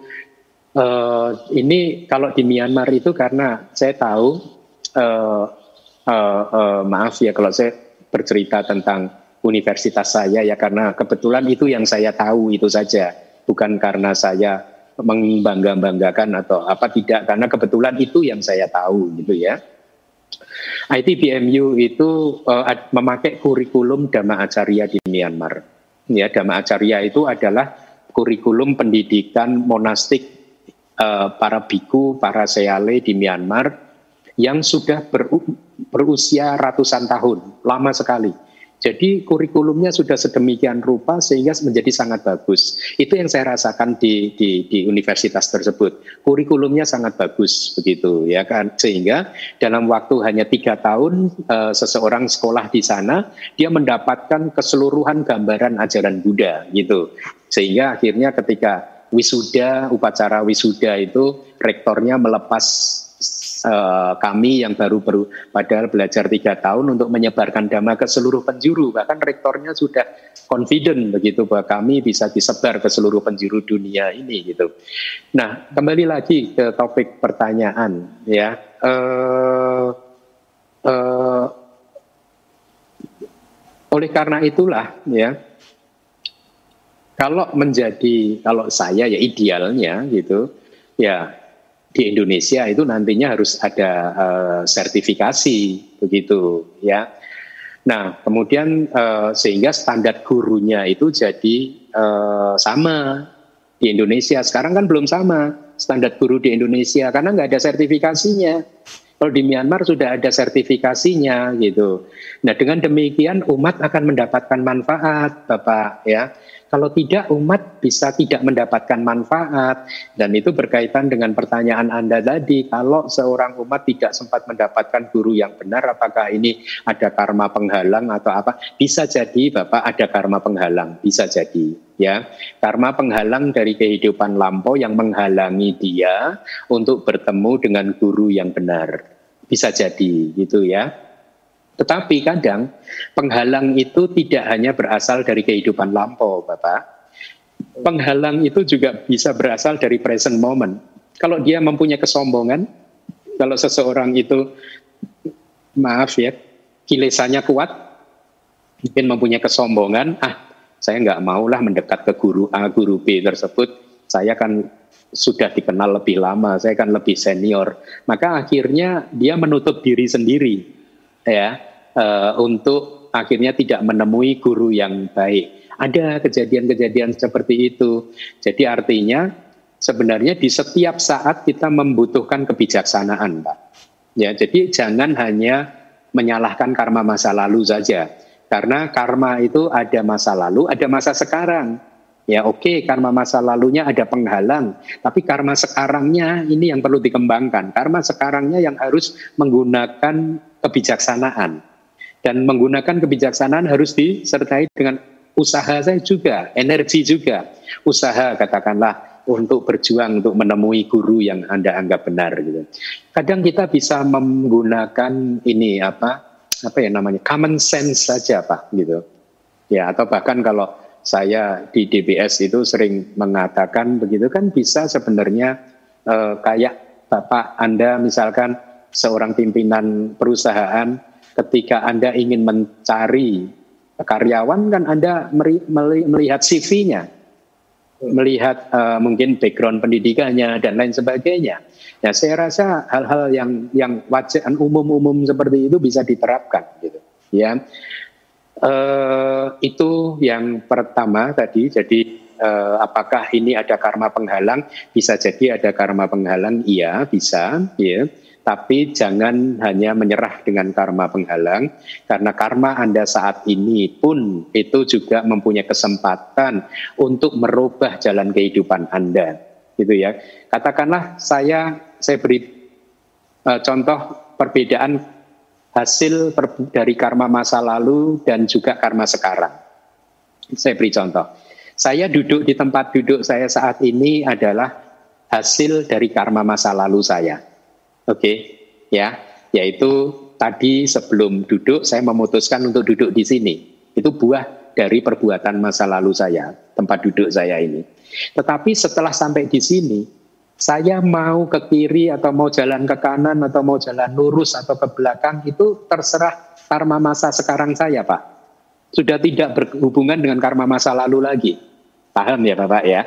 Jadi saya duduk di sini, mau ke kanan, ke kiri, lurus, ke belakang itu benar-benar tergantung pada kebijaksanaan saya, pilihan saya di saat ini yang tidak tergantung dengan artinya tidak begitu terikat, tidak diikat oleh karma masa lalu.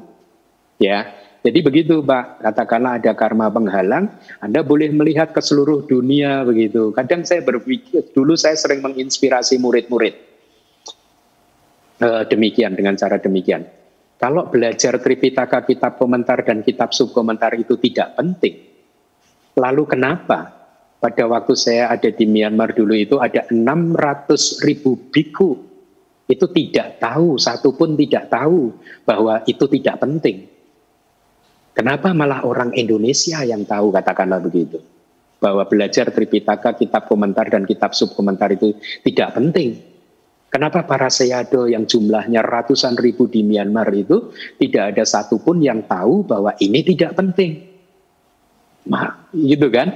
Jadi dulu hal ini saya pakai Bapak. Waktu pertama kali mempelajari abidama yang sangat rumit itu, saya memompa semangat saya dengan logika seperti itu. Kalau ini tidak penting, kenapa para seyado ini atau para Buddha mengajarkannya bahkan?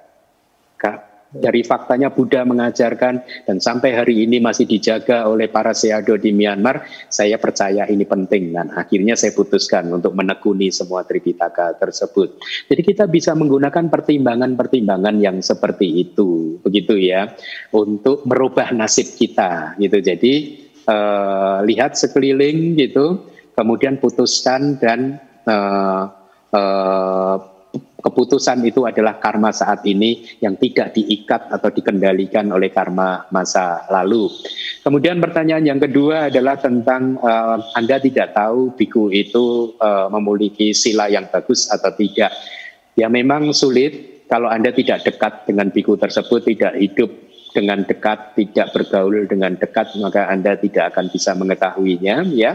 Nah, lalu bagaimana Bante kalau dia sudah tiba di uh, tempat tidak ada yang salah dengan berdana, Bapak ya. Tapi ingat, berdana pun harus berdana empat kebutuhan pokok. Karena kalau Anda berdana yang tidak atau di luar empat kebutuhan pokok, ya, misalkan katakanlah uang, Anda berdana uang kepada seorang biku, sudah jelas itu adalah pelanggaran gitu ya. Dan Anda mempersembahkan sesuatu yang membuat dia melanggar sila. Apakah itu satu perbuatan yang bijaksana dari sisi Anda? Ya, itu kan sama saja Anda sedang mempraktekkan, ada seseorang sedang mempraktekkan atak sila. Salah satu dari atak sila adalah tidak makan setelah lewat tengah hari, bukan? Kemudian tiba-tiba pada waktu sore hari atau malam hari, saya datang kepada orang tersebut, kemudian saya menawarkan makanan kepada orang tersebut, saya bijaksana tidak? Tidak bijaksana, bahkan saya melakukan perbuatan yang tercela dan itu sama ketika Anda umat melakukan memberikan persembahan yang membuat bikunya itu melanggar sila, maka Anda melakukan perbuatan yang tercela. Ya. Oleh karena itu apa yang harus Anda lakukan? Tidak ada salahnya berdana ya. Tapi ingat berdanalah yang empat kebutuhan pokok biku yang di, sehingga tidak membuat dia harus melanggar sila ya. Uh, berdana minum, air minum, gitu. Anda bisa berdana mungkin makanan atau bunga atau apa pun atau obat-obatan begitu ya. Dan tidak ada jeleknya berdana bahkan kepada biku yang mungkin silanya tidak bagus ya. Eh, berdana adalah perbuatan yang baik meskipun ditujukan katakanlah kepada seseorang yang akhlaknya atau moralitasnya atau silanya tidak baik. Demikian dari saya mudah-mudahan menjawab pertanyaan Anda. Ya, makasih, makasih Bante Namo Buddhaya. Namo Buddhaya. Mungkin uh, maaf, Asin ada pertanyaan uh, dari Pak Henry yang belum terjawab. Kalau saya nggak oh. salah pertanyaannya yang mengenai uh, Ajata satu yang berguru kepada uh, dewa data apakah itu karma buruk gitu? Uh, bukan karma buruk ya, apa penghalang, ada karma penghalang. Tadi kayaknya hanya diberi perumpamaan kan, ya Bapak Heri ya. Tentang ajata satu tadi kan hanya perumpamaannya ya. Coba Bapak Heri sekali lagi di on kan. Oh ya. Uh, iya Bante, tadi saya ngambil perumpamaan. Maksudnya apakah kita ini karma buruk kita ya. yang tidak bisa ketemu guru yang baik itu karena paraminya kurang atau sila kita juga belum nyampe gitu. Jadi kita nggak tahu mana guru yang baik, mana guru yang iya. uh, jaga sila. Terima kasih. Betul. Bisa jadi Pak, bisa jadi seperti yang saya jawab. Memang memang begitu Bapak, manusia itu macam-macam, tingkatannya macam-macam. Saya pernah sampaikan kan karena saya suka pohon, kalau saya suka memandangi pohon di luar itu kan, pohon dari satu batang tanaman yang sama pun daunnya bermacam-macam. Ada yang daunnya kecil tapi penuh ulat, bolong-bolong ya ada yang bus, ada yang mulai menguning, coklat, ya, uh, layu dan lain sebagainya. Manusia juga seperti itu bermacam-macam. Ada yang paraminya sedikit, ya sehingga tidak cukup kuat untuk bisa bertemu dengan guru dhamma yang bagus. Ada yang paraminya sudah bagus, bahkan pada umur 12 tahun berani ke Myanmar menjadi seorang biku dan tahu dia harus ke Myanmar untuk belajar dengan benar begitu ya. Dia tidak mau hanya belajar di Indonesia, tapi sementara yang lain juga ada yang cukup puas hanya di Indonesia. Ya begitu itulah variasi-variasinya Bapak. Tetapi sekali lagi kita bukanlah makhluk yang terikat oleh karma masa lalu semata. Di setiap momen, setiap saat ini kita mempunyai kesempatan untuk membebaskan diri dari ikatan karma masa lalu. Ya, meskipun kadang buat paraminya, mereka yang paraminya sangat lemah menjadi sulit untuk terbebaskan dari karma-karma yang ikatan karma masa lalu. Tapi bagi mereka yang paraminya cukup, maka itu cukup uh, mereka akan bisa punya cukup pertimbangan untuk memutuskan harus bagaimana di present momennya. Demikian Pak Heri, mudah-mudahan ya, ya, terima kasih Bante, terima kasih Namo Buddhaya. Nah, ya. Terima kasih Yasin. Selanjutnya pertanyaan uh, dari Ibu Suyanti Samat. Kami persilakan kepada Ibu Suyanti. Uh, Sukihoto Bante. Hmm.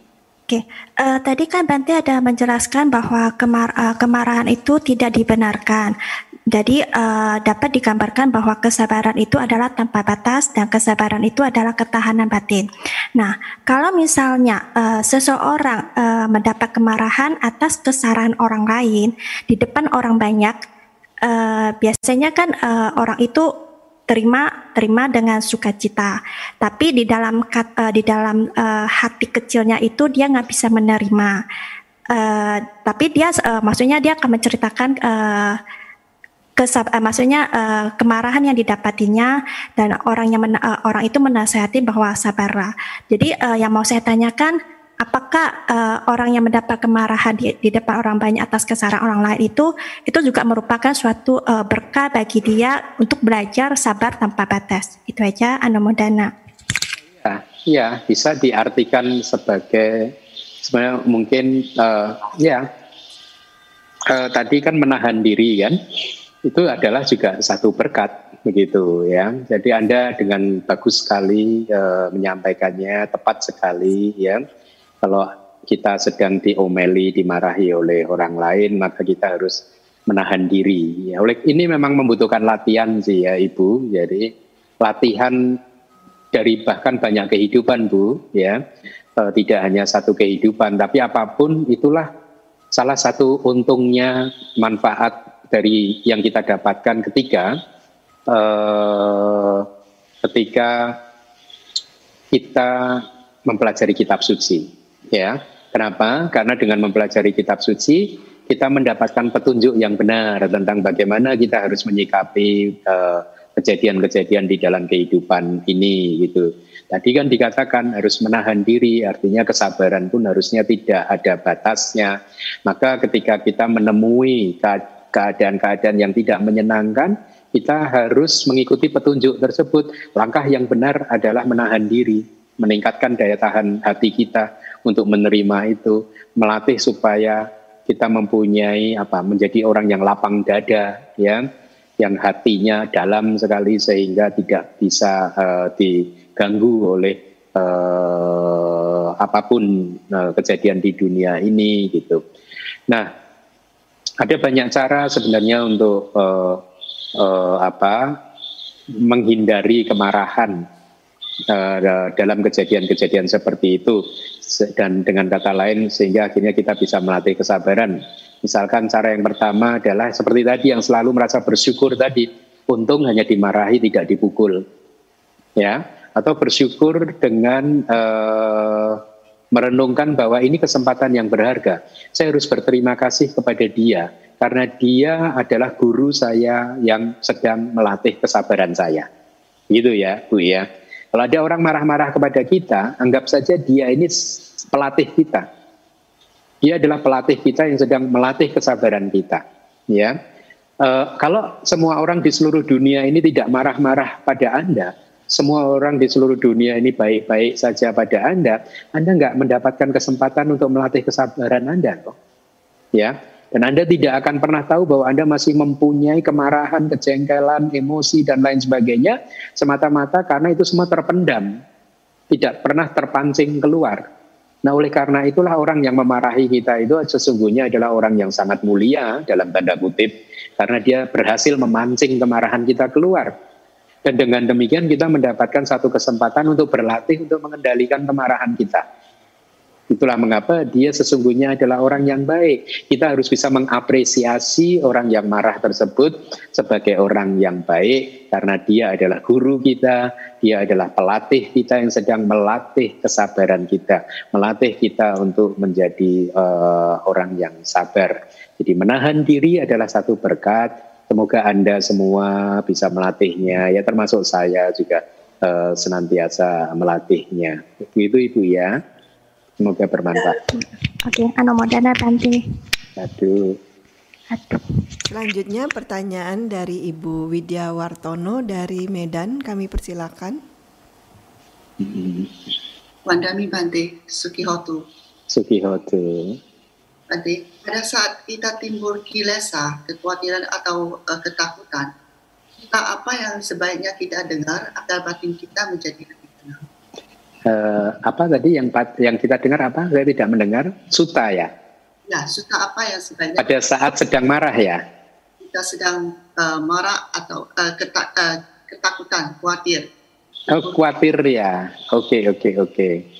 Uh, kalau sedang uh, kalau sedang marah maka meta suta itu bagus bu uh, khotbah tentang cinta kasih itu ya uh, karena uh, cinta kasih itu adalah lawan dari uh, kemarahan yang sangat bagus ya kalau tentang kekhawatiran hmm, tentang kekhawatiran ya anda bisa membaca tadi tentang kesabaran tadi Bu uh, cerita tentang Kanti Wadi. Saya rasa cerita ini ada di online.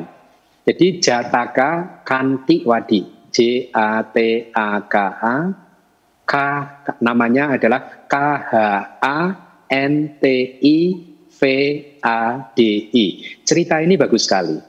Ya, cerita ini bagus sekali. Ya, memang berkaitan dengan kesabaran, tapi kan itu juga berkaitan dengan bagaimana cara untuk Uh, kadang ya kita itu kehilangan kesabaran karena kita terlalu khawatir. Ya, kalau seseorang uh, memperlakukan saya seperti ini, lalu saya nanti seperti nanti bagaimana kita khawatir dengan masa depan kita sendiri, akhirnya kita malah kehilangan kesabaran. Ya, nah kesabaran akan menekan rasa khawatir. Ya, atau kalau mau mendengarkan ceramah saya, interpretasi saya, ada itu bu, jangan memfitnah ular itu jadi eh, ceramah saya yang berjudul Jangan Memfitnah Ular itu adalah saya formulasikan untuk mengenali ketakutan, kecemasan, kekhawatiran gitu ya. Ya intinya Ibu, kita ini adalah makhluk yang sudah melewati banyak kecemasan, ketakutan, kekhawatiran di masa lalu. Di kehidupan ini saja kita sudah banyak melewati ketakutan, kecemasan, kekhawatiran Artinya kita ini ahli sebenarnya mengatasi kecemasan, ketakutan, kekhawatiran.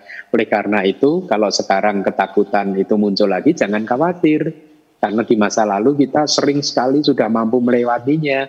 Maka sekarang kalau datang pun pasti saya akan mampu melewatinya.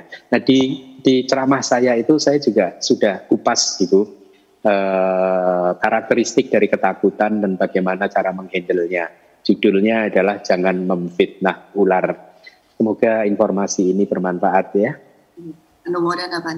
Sama-sama satu, satu. Kemudian dari Medan juga, uh, Ibu Paven kami persilakan Bu.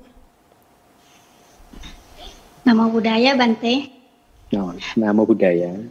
Hmm, Bante tadi kan ada di, dijelaskan tentang karma dan kita juga harus punya parami yang kuat untuk bisa meng, mengambil keputusan tentang kehidupan kita sekarang. Yang ingin saya tanyakan Bante, dari ke sepuluh parami itu apa kita harus melaksanakan semua parami dengan baik atau ada satu parami khusus yang harus kita kembangkan gitu agar kita bisa atau kita berani gitu untuk mengambil keputusan yang tepat dalam kehidupan kita sekarang ini gitu Bante. Hmm.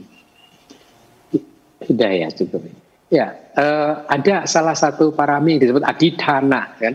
Uh, uh, itu, tetapi sesungguhnya 10 parami ini saling berkaitan, Bu. Ya, jadi uh, harus dipraktekkan semuanya. Tidak boleh tidak hanya satu persatu saja. Jadi Ibu hafalkan 10 parami. Saya rasa saya pernah berceramah tentang 10 parami di YouTube DBS, Anda bisa dengarkan juga e, misalkan dana parami gitu ya. Risikonya kalau hanya satu persatu maka buahnya tidak akan kuat bu. Ya, seperti misalkan dana parami, berdana saja, tapi kalau silanya tidak bagus, buahnya juga tidak bagus. Oleh karena itu, dana parami harus dilatih juga diperkuat dengan sila parami, gitu dan seterusnya, gitu. Ya, sila parami juga harus diperkuat dengan nekama parami dan seterusnya dan seterusnya. Jadi sepuluhnya itu harus dilatih itu dan itulah mengapa sekali lagi inilah satu juga contoh pentingnya belajar pariyati pentingnya mempunyai pemahaman yang baik tentang kitab suci. Ya karena saya juga sering mendengar di Indonesia itu sering kali didengar kita mendengar kata-kata seorang guru yang mengatakan agama Buddha bukan agama teori agama Buddha adalah agama praktek. Ini ucapan ini kan ucapan yang tidak bermakna. Kenapa tidak bermakna coba? Karena bagaimana mungkin seseorang bisa praktek kalau nggak paham teorinya? Betul tidak? Kita beri perumpamaan saja dokter. Dokter itu diperbolehkan praktek setelah lulus teorinya. Ya, jadi itulah mengapa sekali lagi pembelajaran kitab suci itu penting sekali uh, saya sudah sering menerima semacam ucapan terima kasih dari para murid-murid saya bagaimana setelah perubahan kehidupan mereka itu terjadi setelah mereka belajar selama dua tahun, tiga tahun, empat tahun begitu.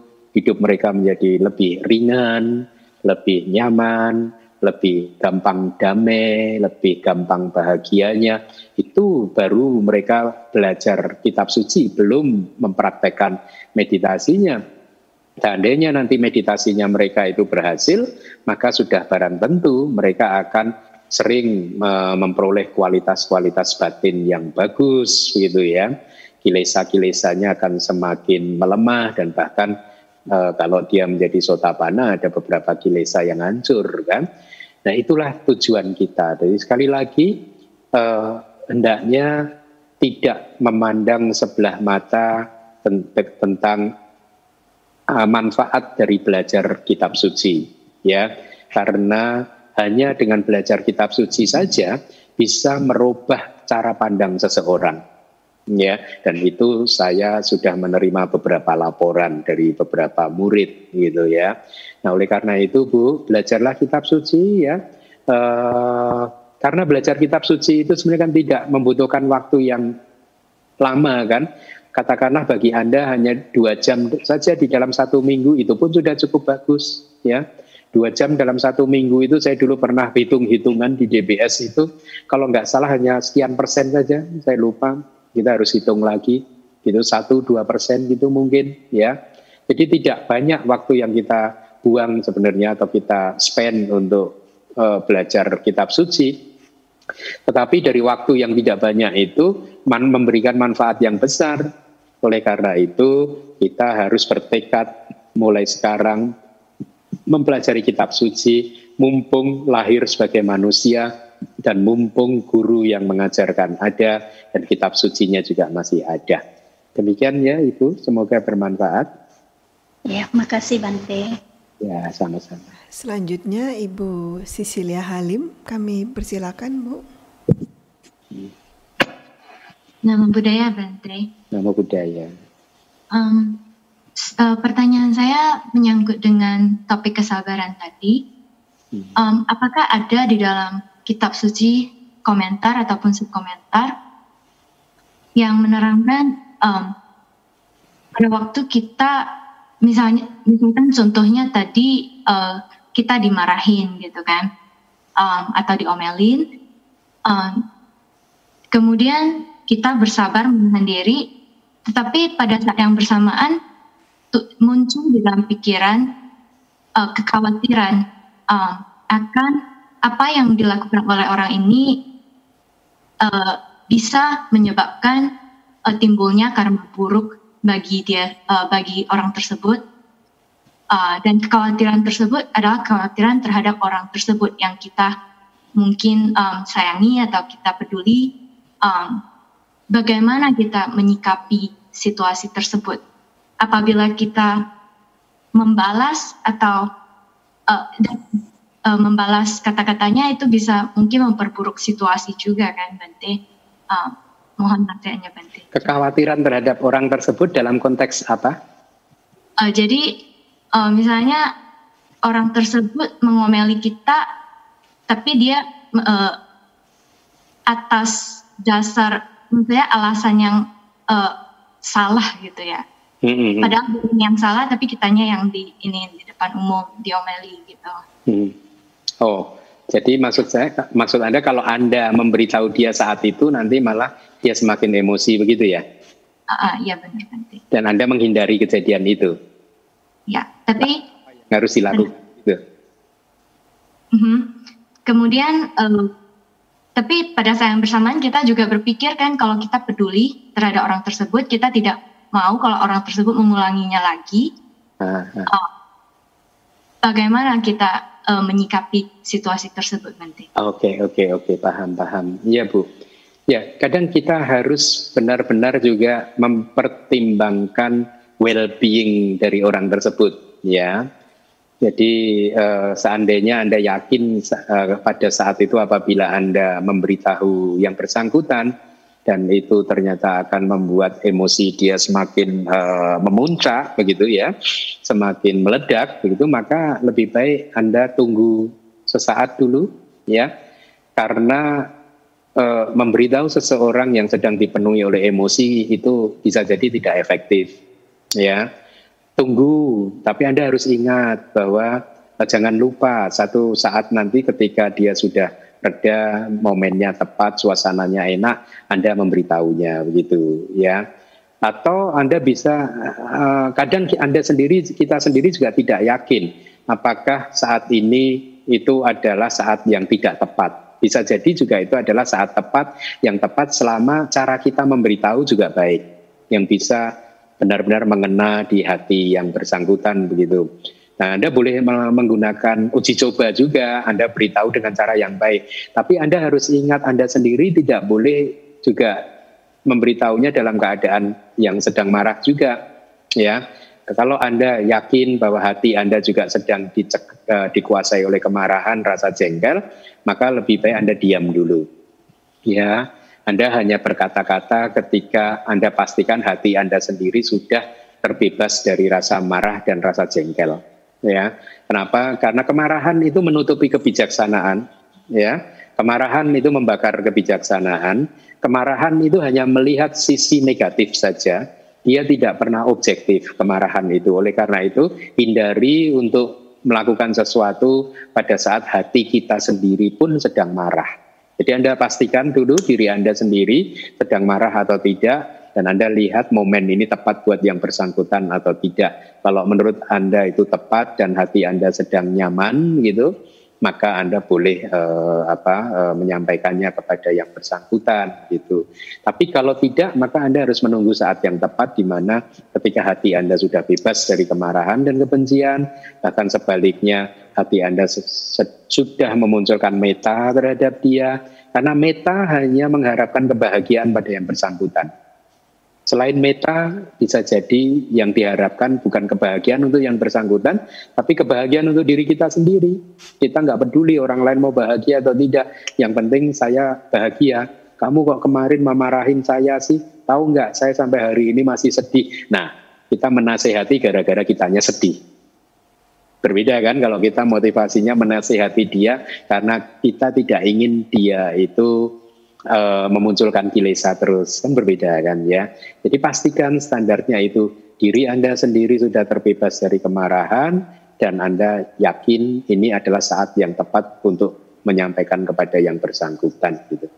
Jadi uh, uh, apa yang penting sebenarnya dari diri Anda sendiri harus benar-benar terbebas dari kemarahan dan mempunyai meta karena hanya meta lah yang bisa membuat hati kita itu selalu promoting others well-being gitu. Selalu mempromot uh, kesejahteraan kebahagiaan orang lain ya. Meta tidak pernah fokus pada diri kita sendiri gitu ya. Jadi demikian dari saya mudah-mudahan bermanfaat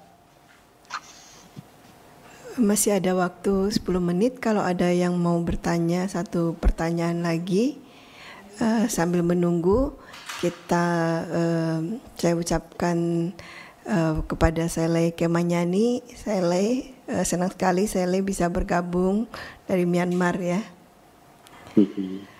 Oke, okay, uh, sudah ada pertanyaan dari Ibu Emi Yuli. Oke, okay, kepada Ibu Emi Yuli kami persilakan. Uh, selamat pagi, Bante. Nama budaya. Nama budaya. Uh, Bante, saya mau bertanya, uh, apakah lebih baik orang yang mengambil sila, tetapi uh, ada pelanggarannya, melanggar maksudnya, tidak sempurna, atau lebih baik tidak mengambil sila daripada kita melanggarnya? Terima kasih, Bante. Yang lebih baik adalah mengambil sila, tapi juga tidak melanggarnya, Ibu, karena ya dengan mengambil sila di depan di hadapan seorang biku atau di hadapan sangga atau bahkan di hadapan Buddha Rupang, maka kita melatih perilaku tubuh kita dan perilaku ucapan kita itu. Ya. Jadi perilaku tubuh, karma tubuh harus dilatih perilaku ucapan dengan mengucapkan mengikuti bantenya misalkan panati pada wera manisita badang sama diami itu perilaku ucapan juga harus dilatih yang baik Kemudian eh, karma mental juga harus dilatih dengan baik. Ketika Anda mengucapkan panati patawera manisika padang sama tiami, saya mengambil dengan benar latihan-latihan untuk menahan diri dari pembunuhan makhluk hidup. Anda meresapinya kan di dalam pikiran Anda. Jadi pikiran Anda pun juga eh, semacam diinjeksi oleh satu pemahaman yang baik. Jadi ya lebih baik seperti itu Ibu ya anda tetap harus mengambil sila di hadapan anggota sangga atau sangga atau Buddha Rupang dan kemudian Anda harus menjaganya gitu. Tapi kalaupun dalam keadaan sedang tidak mempraktekkan mengamalkan sila, kemudian Anda menjaga seperti yang di kelas lalu mungkin yang atau dua kelas sebelumnya ya, yang disebut penahanan diri ketika sedang tidak mengambil sila itu pun juga baik ya Ya, kalau ada kesempatan untuk berbohong dan kemudian Anda memutuskan untuk tidak mengambil kesempatan itu dan sebaliknya mengucapkan kejujuran, maka itu pun adalah perbuatan baik. Walaupun Anda sedang tidak mengambil sila, ada nyamuk menggigit tangan Anda, Anda mau membunuhnya, kemudian Anda ingat itu tidak baik dan Anda tahan, itu pun adalah juga perbuatan yang baik itu baik ya tapi tentu lebih baik kalau anda mengambilnya langsung juga di hadapan uh, seorang biku atau sangga atau buddha rupang ya demikian kalau misalnya sedang mengambil sila ya betul oke mengambil sila tetapi yang kadang-kadang uh, ada sedikit-sedikit pelanggaran-pelanggaran itu bagaimana Bante? apa namanya latihan kan? Ya latihan ya. Latihan ya tapi jangan diulang-ulang terus ya. Sekali gagal oh uh, kalau gagal lakukan tiga langkah ini.